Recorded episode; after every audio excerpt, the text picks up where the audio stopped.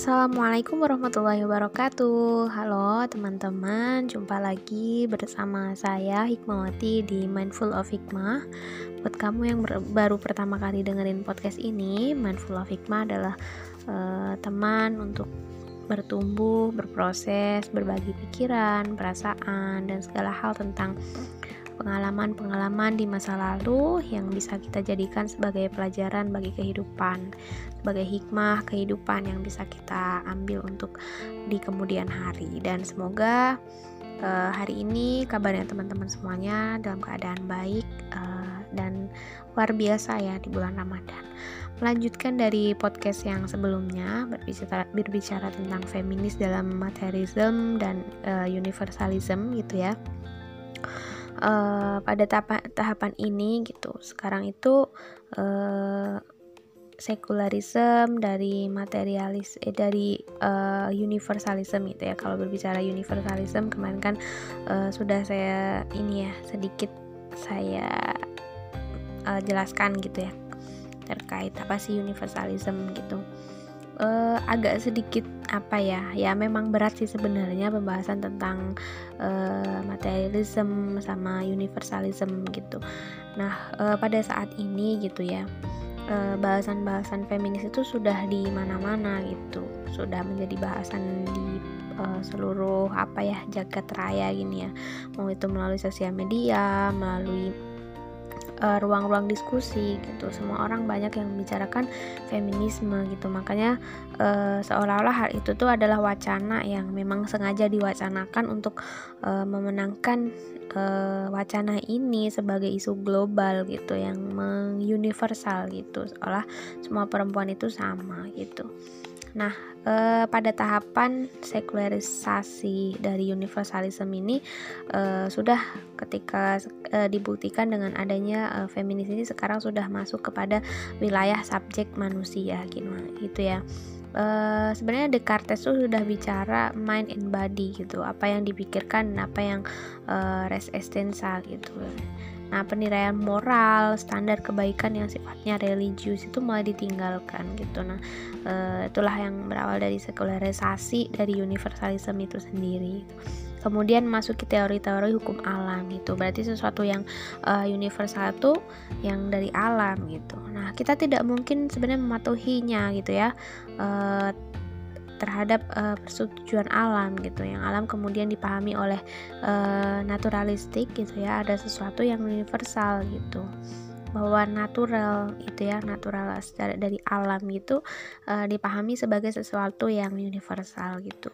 Teori-teori hukum alam ini uh, menunjukkan bagaimana manusia berkuasa, kemudian bagaimana hidup dalam menjalankan hidupnya, kehidupan itu sehari-hari gitu. Manusia bagaimana dia menjalani uh, kesehariannya, misalnya makan, minum, bernafas itu adalah sesuatu yang universal gitu.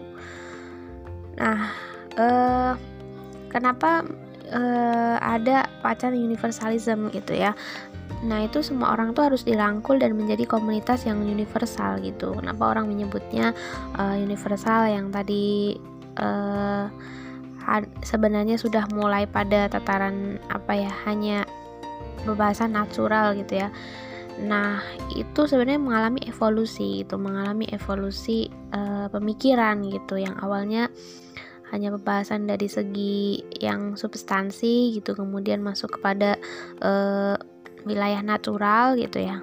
Uh, tetapi oleh kan gitu ya seharusnya apa yang baik bagi kita itu harus juga baik jadi orang uh, bagi orang lain gitu. Makanya menurut sekelompok orang yang menurut mereka baik itu dianggap baik juga buat orang lain gitu. Nah itulah nilai dari uh, universalitas gitu.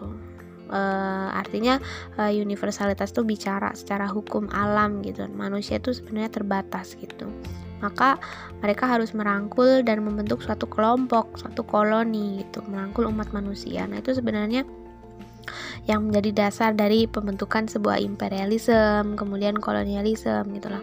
Di mana pemahaman mereka itu sebenarnya semakin terkombinasi, ya, semakin menguat gitu ya.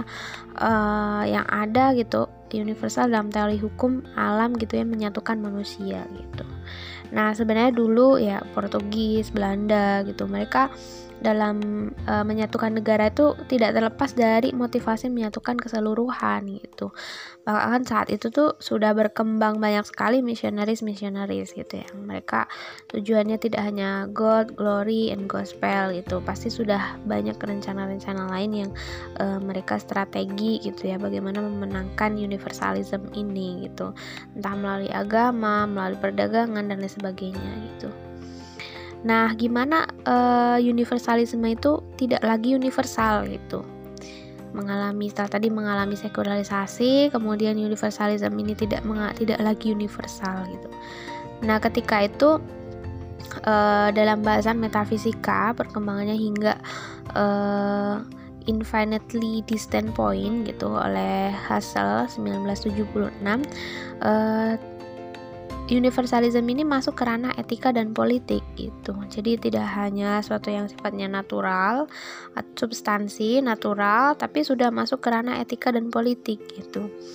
Kemudian gagasan infinitely distant point itu mulai uh, mendominasi kehidupan pribadi dan komunal gitu tentang apa artinya menjadi orang baik, kemudian komunitas yang baik, kemudian manusia dan masyarakat yang berlaku menjadi dipahami sebagai informasi yang pada dasarnya tidak lengkap uh, sehubungan dengan norma-norma ide mereka gitu, uh, secara ideal mereka gitu. Uh, apa ya? Sebagai sesuatu yang harus dicapai melalui kritik dan pembaharuan terus-menerus gitu itu waktu itu gitu ya gagasan infinitely distant point. Nah, universalisme ini berkembang dalam imperialisme dan kolonialisasi negara barat itu terhadap negeri-negeri yang diklaim terbelakang gitu termasuk dulu Indonesia gitu ya.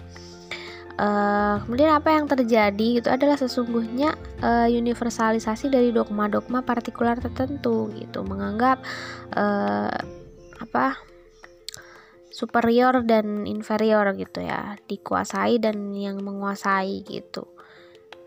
Uh, Indonesia termasuk wilayah yang dikuasai oleh Belanda Portugis dan sebagainya gitu. Kemudian mereka ber, uh, berhak untuk menyatukan gitu seperti itu. Nah uh, kalau ide universal menurut Hazel tadi gitu ya uh, totalitas tentang apa yang universal dalam pembahasan filsafat gitu. Uh, yang mana totalitasnya itu yaitu mm, membentuk sebuah imperialisme gitu. Imperialisme kemudian mereka men mengakar ke berbagai ranah gitu politik perdagangan ekonomi kemudian agama dan lain sebagainya gitu. Imperialisme barat gitu ya.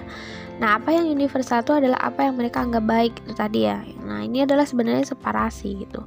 Karena uh, universalisasi ini berupa partikular-partikular tertentu gitu Nah, menurutnya, uh, menurut mereka itu perlunya ada ide kesetaraan bagi, bagi perempuan gitu.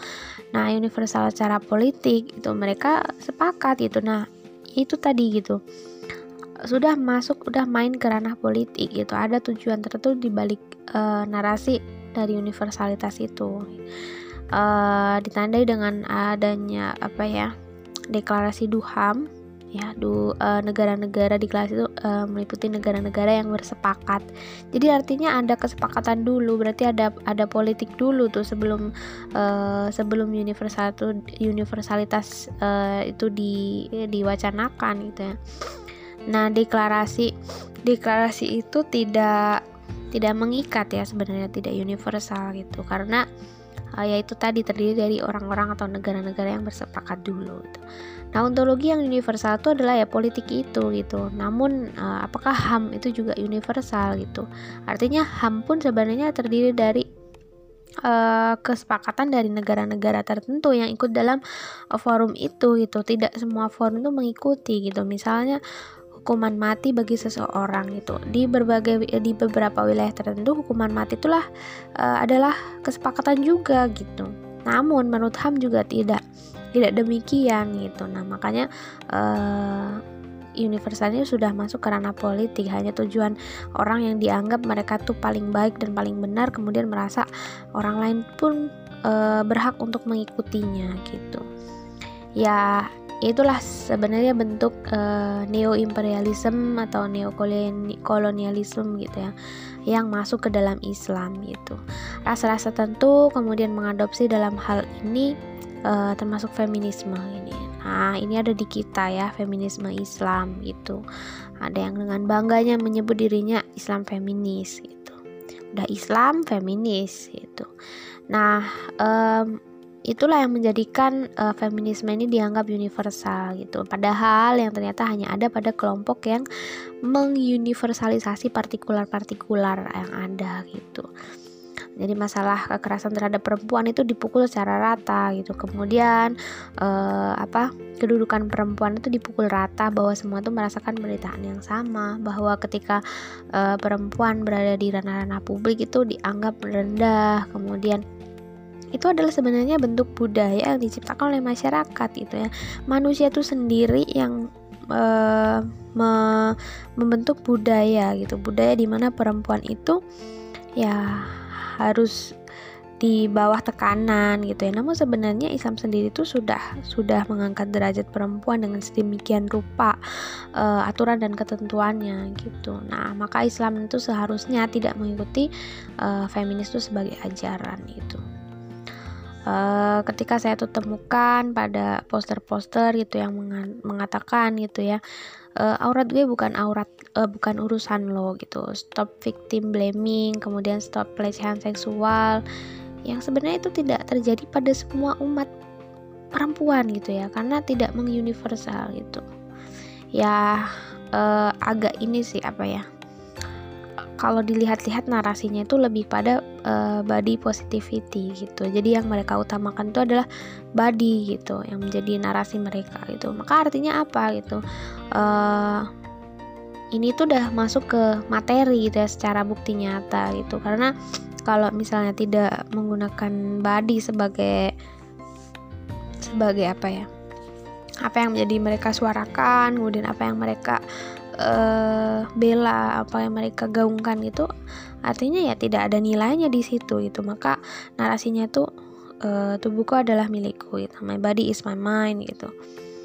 Nah feminisme itu ter, terjebak dalam materialisme benar atau tidak gitu. Nah yaitu tadi gitu. Mereka yang mereka suarakan tuh pasti berbicara tentang uh, tubuh gitu ya. Bagaimana uh, mereka menolak untuk diatur dan sebagainya gitu jadi secara jelas gitu ya di mana pun tempat gitu feminisme itu mengutamakan e, kampanyenya itu mengutamakan tubuh gitu.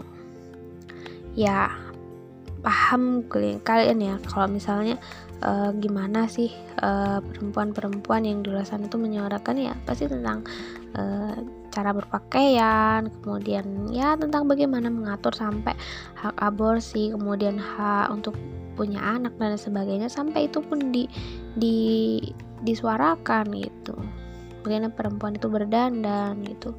Itu masuk bahan, uh, bahasan feminisme gitu. Nah itu sebenarnya mereka pun juga terjebak dalam materi materialisme gitu. Tidak pada secara filosofi gitu secara uh, teologi juga gitu. Gitu bagaimana perempuan itu dalam Islam gitu. Nah, apa sih sebenarnya yang menjadi apa ya uh, tanda tanya gitu tentang materialisme uh, feminis ini terjebak di dalamnya gitu ya? Uh, materialisme itu adalah uh, bentuk dari mono, uh, monisme gitu filosofis itu secara filosofis yang menganggap materi itu sebagai substansi fundamental di alam uh, dan semua hal yang termasuk keadaan mental dan kesadaran kemudian uh, itu sebagai hasil interaksi material Nah, menurut materialism filosofis, uh, pikiran dan kesadaran itu adalah produk uh, sampingan atau epifenomena dari proses material itu seperti biokimia otak dan sistem saraf manusia yang tanpanya mereka tidak dapat eksis gitu manusia kalau tidak ada otak tidak dapat eksis itu nah seolah-olah seperti itu gitu Nah, bagi feminis pun ya mungkin seperti itu. Kalau tidak ada tubuh perempuan ya bagaimana mereka bisa eksis gitu ya.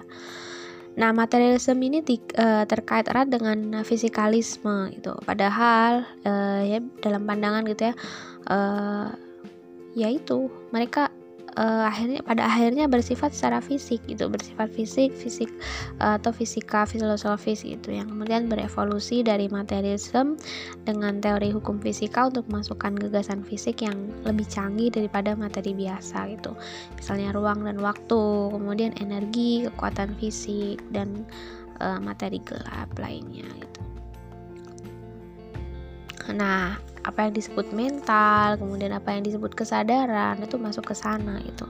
Kemudian kalangan neuroscience membentuk diri uh, membentuk diri seseorang itu ya seperti itu gitu dengan uh, konsep uh, apa ya psikologisnya tentang teori-teori kesadaran mental gitu ya semuanya tuh ya sebenarnya uh, biologikal gitu.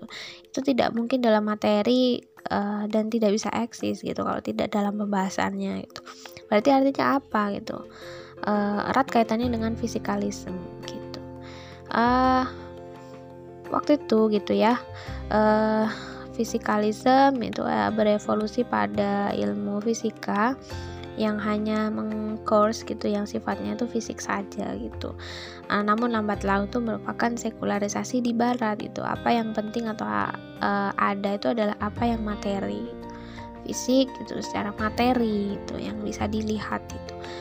Uh, disentuh ya, dilihat disentuh itu. Itulah esensi yang esensi menurut dari uh, materialism.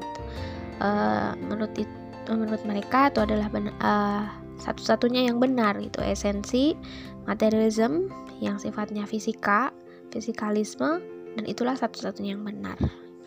Nah, materi yang penting uh, dalam feminisme itu tadi tubuh gitu.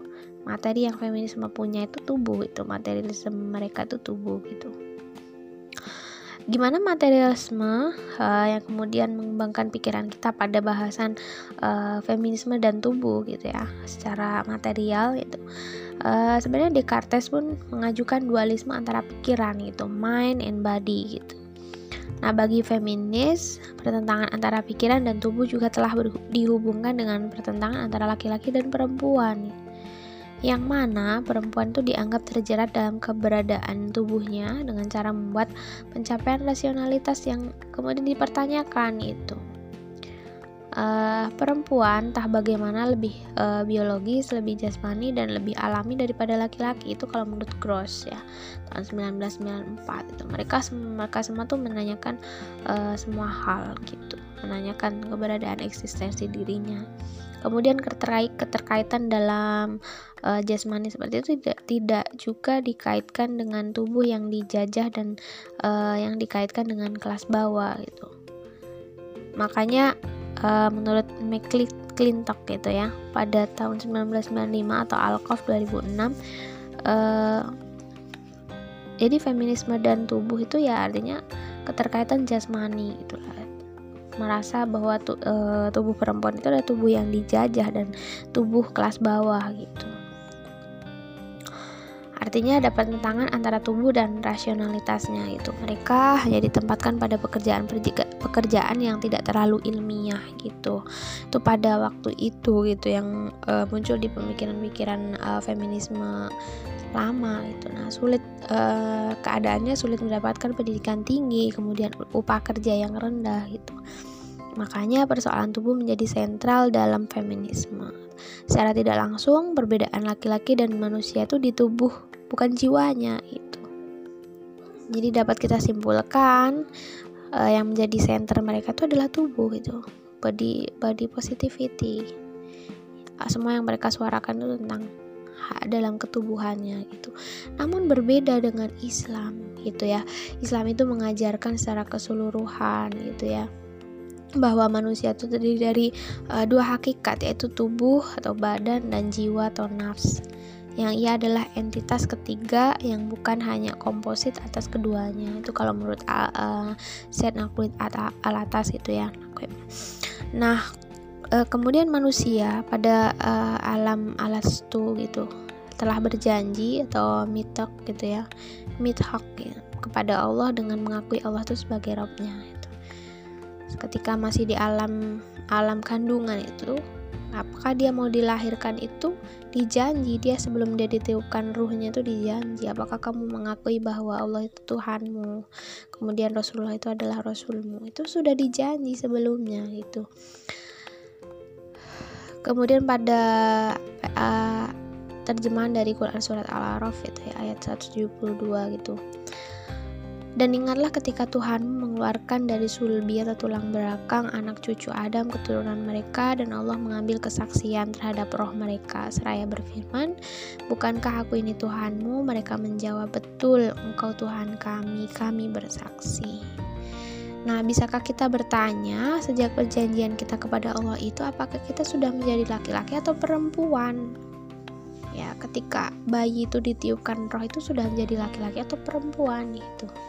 Nah ini yang gagal dipahami oleh feminisme bahwa manusia itu bukan materi saja tetapi ada jiwa ada sesuatu yang inmateri itu kalau menurut uh, Syed Nakwit Alap, Alatas gitu ya. Qalu bala syahidna gitu ya. Ya menganggap bahwa Allah itu Tuhan Tuhan kita Tuhan kami Tuhan kita semua itu bagi umat Islam itu ya. Kita adalah hambanya manusia itu masih berupa ruh itu waktu itu. Kemudian menjadi gumpalan menjadi bentuk tubuh yang sempurna itu nah itulah pembedaan Tuhan dan diri kita itu hanya orang yang memiliki akal saja itu kita kita tidak bisa membedakan tinggi rendah kemudian yang mana konseptual dan yang mana realitas kemudian uh, apa ya makhluk lain pun tidak memiliki kapasitas itu gitu untuk siap menjadi manusia menjadi khalifah di muka bumi gitu. Allah mengatakan kita telah bersaksi kemudian secara akliah kita telah memiliki kapasitas menjadi manusia. Pertanyaannya itu tadi uh, saat itu kita laki-laki atau perempuan Tuh Allah menentukan rezeki, jodoh dan lain sebagainya gitu. Namun yang menentukan laki-laki atau perempuan itu saat ruh ditiupkan, atau saat janin sudah menjadi tubuh gitu. Tidak bisa gitu mengedepankan salah satunya saja gitu. Makanya ada kaitannya antara ruh dan janin gitu ya, ruh dan badan yang ada, segumpal darah, jantung yang waktu terbentuk gitu menjadi perempuan itu adalah suatu konsekuensi bagaimana kita itu bertanggung jawab atas fitrahnya untuk memimpin alam juga gitu. Tidak hanya laki-laki dan perempuan semuanya itu punya tanggung jawab dan fitrahnya masing-masing gitu. Sesuatu yang Allah tuh takdirkan untuk kita diciptakan menjadi laki-laki atau perempuan gitu. Nah, dibandingkan dengan uh, fisik gitu, syarat yang lebih esensial dalam memenuhi pembentukan manusia itu adalah jiwa. Gitu Tubuh fisik itu dimiliki oleh semua makhluk hidup, baik manusia, hewan, dan tumbuhan. Tubuh fisik ini dapat digambarkan berupa kondisi perkembangan manusia yang dimulai dari bayi, anak-anak, dewasa, lalu tua. Ya, atau itu uh, atau saat berada dalam kondisi yang sehat, sakit, atau ia ditentukan oleh jenis kelamin, kemudian baik laki-laki atau perempuan dan sebagainya. Itu semuanya adalah takdir itu. Nah, bagi e, jiwa akal manusia ya itu berbeda dengan jiwa yang ada pada binatang dan pada tumbuhan yang kemudian menuntutnya untuk berpikir, menggunakan akal dan mengembangkan kehidupan gitu. Jadi sebenarnya Allah itu telah melengkapi manusia dengan daya uh, power faculty gitu ya akan uh, visi dan pemahaman yang benar gitu. Kemudian menyelamatkan sejati penyelamatan sejati dari uh, kebenaran gitu dan sebuah ucapan atau komunikasi yang benar uh, selain daya tangka daya tersebut itu ya selain Allah berikan daya kepada kita kekuatan kepada kita gitu. Allah juga telah melengkapi manusia dengan kecerdasan atau intelligence gitu untuk mengetahui dan membedakan antara realitas dengan bukan realitas. Kebenaran yang hak dan kerusakan atau batil gitu serta kebenaran lurus atau rush dan kesesatan atau goi makanya tidak bisa dipisahkan antara body and uh, apa ya jiwa itu tubuh dan jiwa. Karena jiwa kita tidak benar-benar terpengaruh oleh fisik gitu ya. Ketika kita sakit jiwa kita masih bisa berzikir gitu. Kita masih bisa berpikir juga gitu. Uh, berbeda dengan jiwa hewan gitu ya. Allah berikan daya kepada kita untuk membedakan yang hak dan yang batil gitu. Yang penting bagi manusia itu bukan materi tapi keduanya gitu kemudian laki-laki atau perempuan itu adalah takdir Allah yang menentukan peran kita di muka bumi itu manusia ini adalah entitas ketiga dari apa yang Allah takdirkan itu apa yang universal bagi feminis itu sesuatu yang tidak uh, yang bisa kita tolak itu tidak bisa uh, tidak kita apply dalam kehidupan sehari-hari itu ya kita tolak dengan argumen-argumen yang ada nah uh, jadi apa yang menjadi kesimpulan dari materialism uh, universalism dalam feminis itu? Ya itu tadi gitu dari pembahasan sejak awal kemarin uh, yang sebelumnya podcast sebelumnya universal ini mengalami evolusi gitu. Dalam memandang isma-isma ini ya perlu dinego dulu lah menengok dulu. Apa uh, menengok maksudnya menengok dulu ke belakang gitu ya. Dari mana sejarahnya gitu jangan secara uh, jangan menggeneralisasi uh, general itu atau mengumumkan sesuatu gitu. Padahal universal ini pada level ontologis gitu. Dan universal dan general itu uh, berbeda gitu. General itu lebih metodologis gitu ya. Namun sebenarnya agak samar-samar ketika kita mencari perbedaannya gitu yang mana universal itu berbicara tentang sesuatu yang ada, konseptual dan pada konteks logika, kemudian esensi uh, atau yang lebih metafisik gitu ya, yang bukan bicara fisik tapi ada bayan-bayan gitu. Nah saat ini gitu ya mungkin universalism ini sebagai uh, alat imperialisme Barat gitu untuk mengikuti dogma-dogma Barat itu ya kita tantangannya itu bagaimana menghindari pemikiran-pemikiran barat gitu. Apakah gitu ya daya akliyah kita ini uh, dalam melihat sesuatu yang lebih keren kemudian lebih canggih langsung diterima begitu saja gitu. Jangan melulu uh, apa ya menerima begitu saja gitu. Intinya uh, bagi Islam tidak terjebak dalam dualisme gitu apakah materialism atau universalism gitu. Uh, apakah kita bicara jiwa saja gitu ya dalam hal materialism dan universalism? Tentu tidak gitu tapi fisik juga gitu. Kita mengumpulkan kebaikan itu di alam sadar bukan di alam mimpi gitu. kebaikan itu kita lakukan di alam materi yang ada wujudnya secara secara nyata itu secara fisiologis. Namun jangan terjebak dalam idealisme gitu. Uh, jangan pakai isme-isme gitulah kalau dalam Islam. Yang jelas uh, hayu dan material gitu kalau dalam hal beribadah.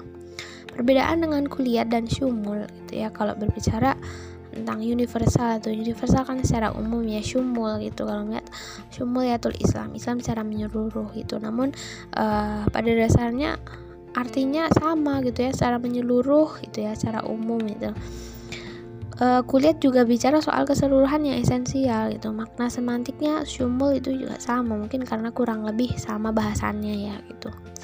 Nah retorika atau bahasan dari uh, ini tuh sebenarnya berujung pada satu hal gitu yaitu alasan filosofis apa yang dikamanyakan di barat masalah perempuan itu adalah masalah barat yang atau masalah Islam itu hingga saat ini tidak bisa membedakan hak yang batil gitu. Makanya orang dengan mudahnya tiba-tiba menerima ideologi-ideologi yang datang dari barat itu. Feminisme seolah sesuatu yang baru sesuatu yang lebih canggih lebih modern dan lebih open minded gitu ya. Langsung diterima begitu saja gitu. Orang tuh terjebak dalam universalisme gitu. Big, uh, yang ya harusnya kita mengetahui sejarahnya dulu gitu dan mengetahui agamanya lebih baik maka kita tidak akan terjebak dalam hal itu. Kita tidak langsung menerima ajaran-ajaran dari barat atau ajaran lain ya. konsep-konsep penting manusia yang sudah di, uh, diajarkan itu. Kita harus bisa memfilter itu paham-paham baru yang masuk dalam Islam. Jangan sampai terjajah oleh imperialisme atau uh, neo imperialisme secara pemikiran itu jadi itu mungkin uh, kita lanjut lagi untuk episode berikutnya. Terima kasih sudah mendengarkan. Thank you for your listening. Uh, see you again. Wassalamualaikum warahmatullahi wabarakatuh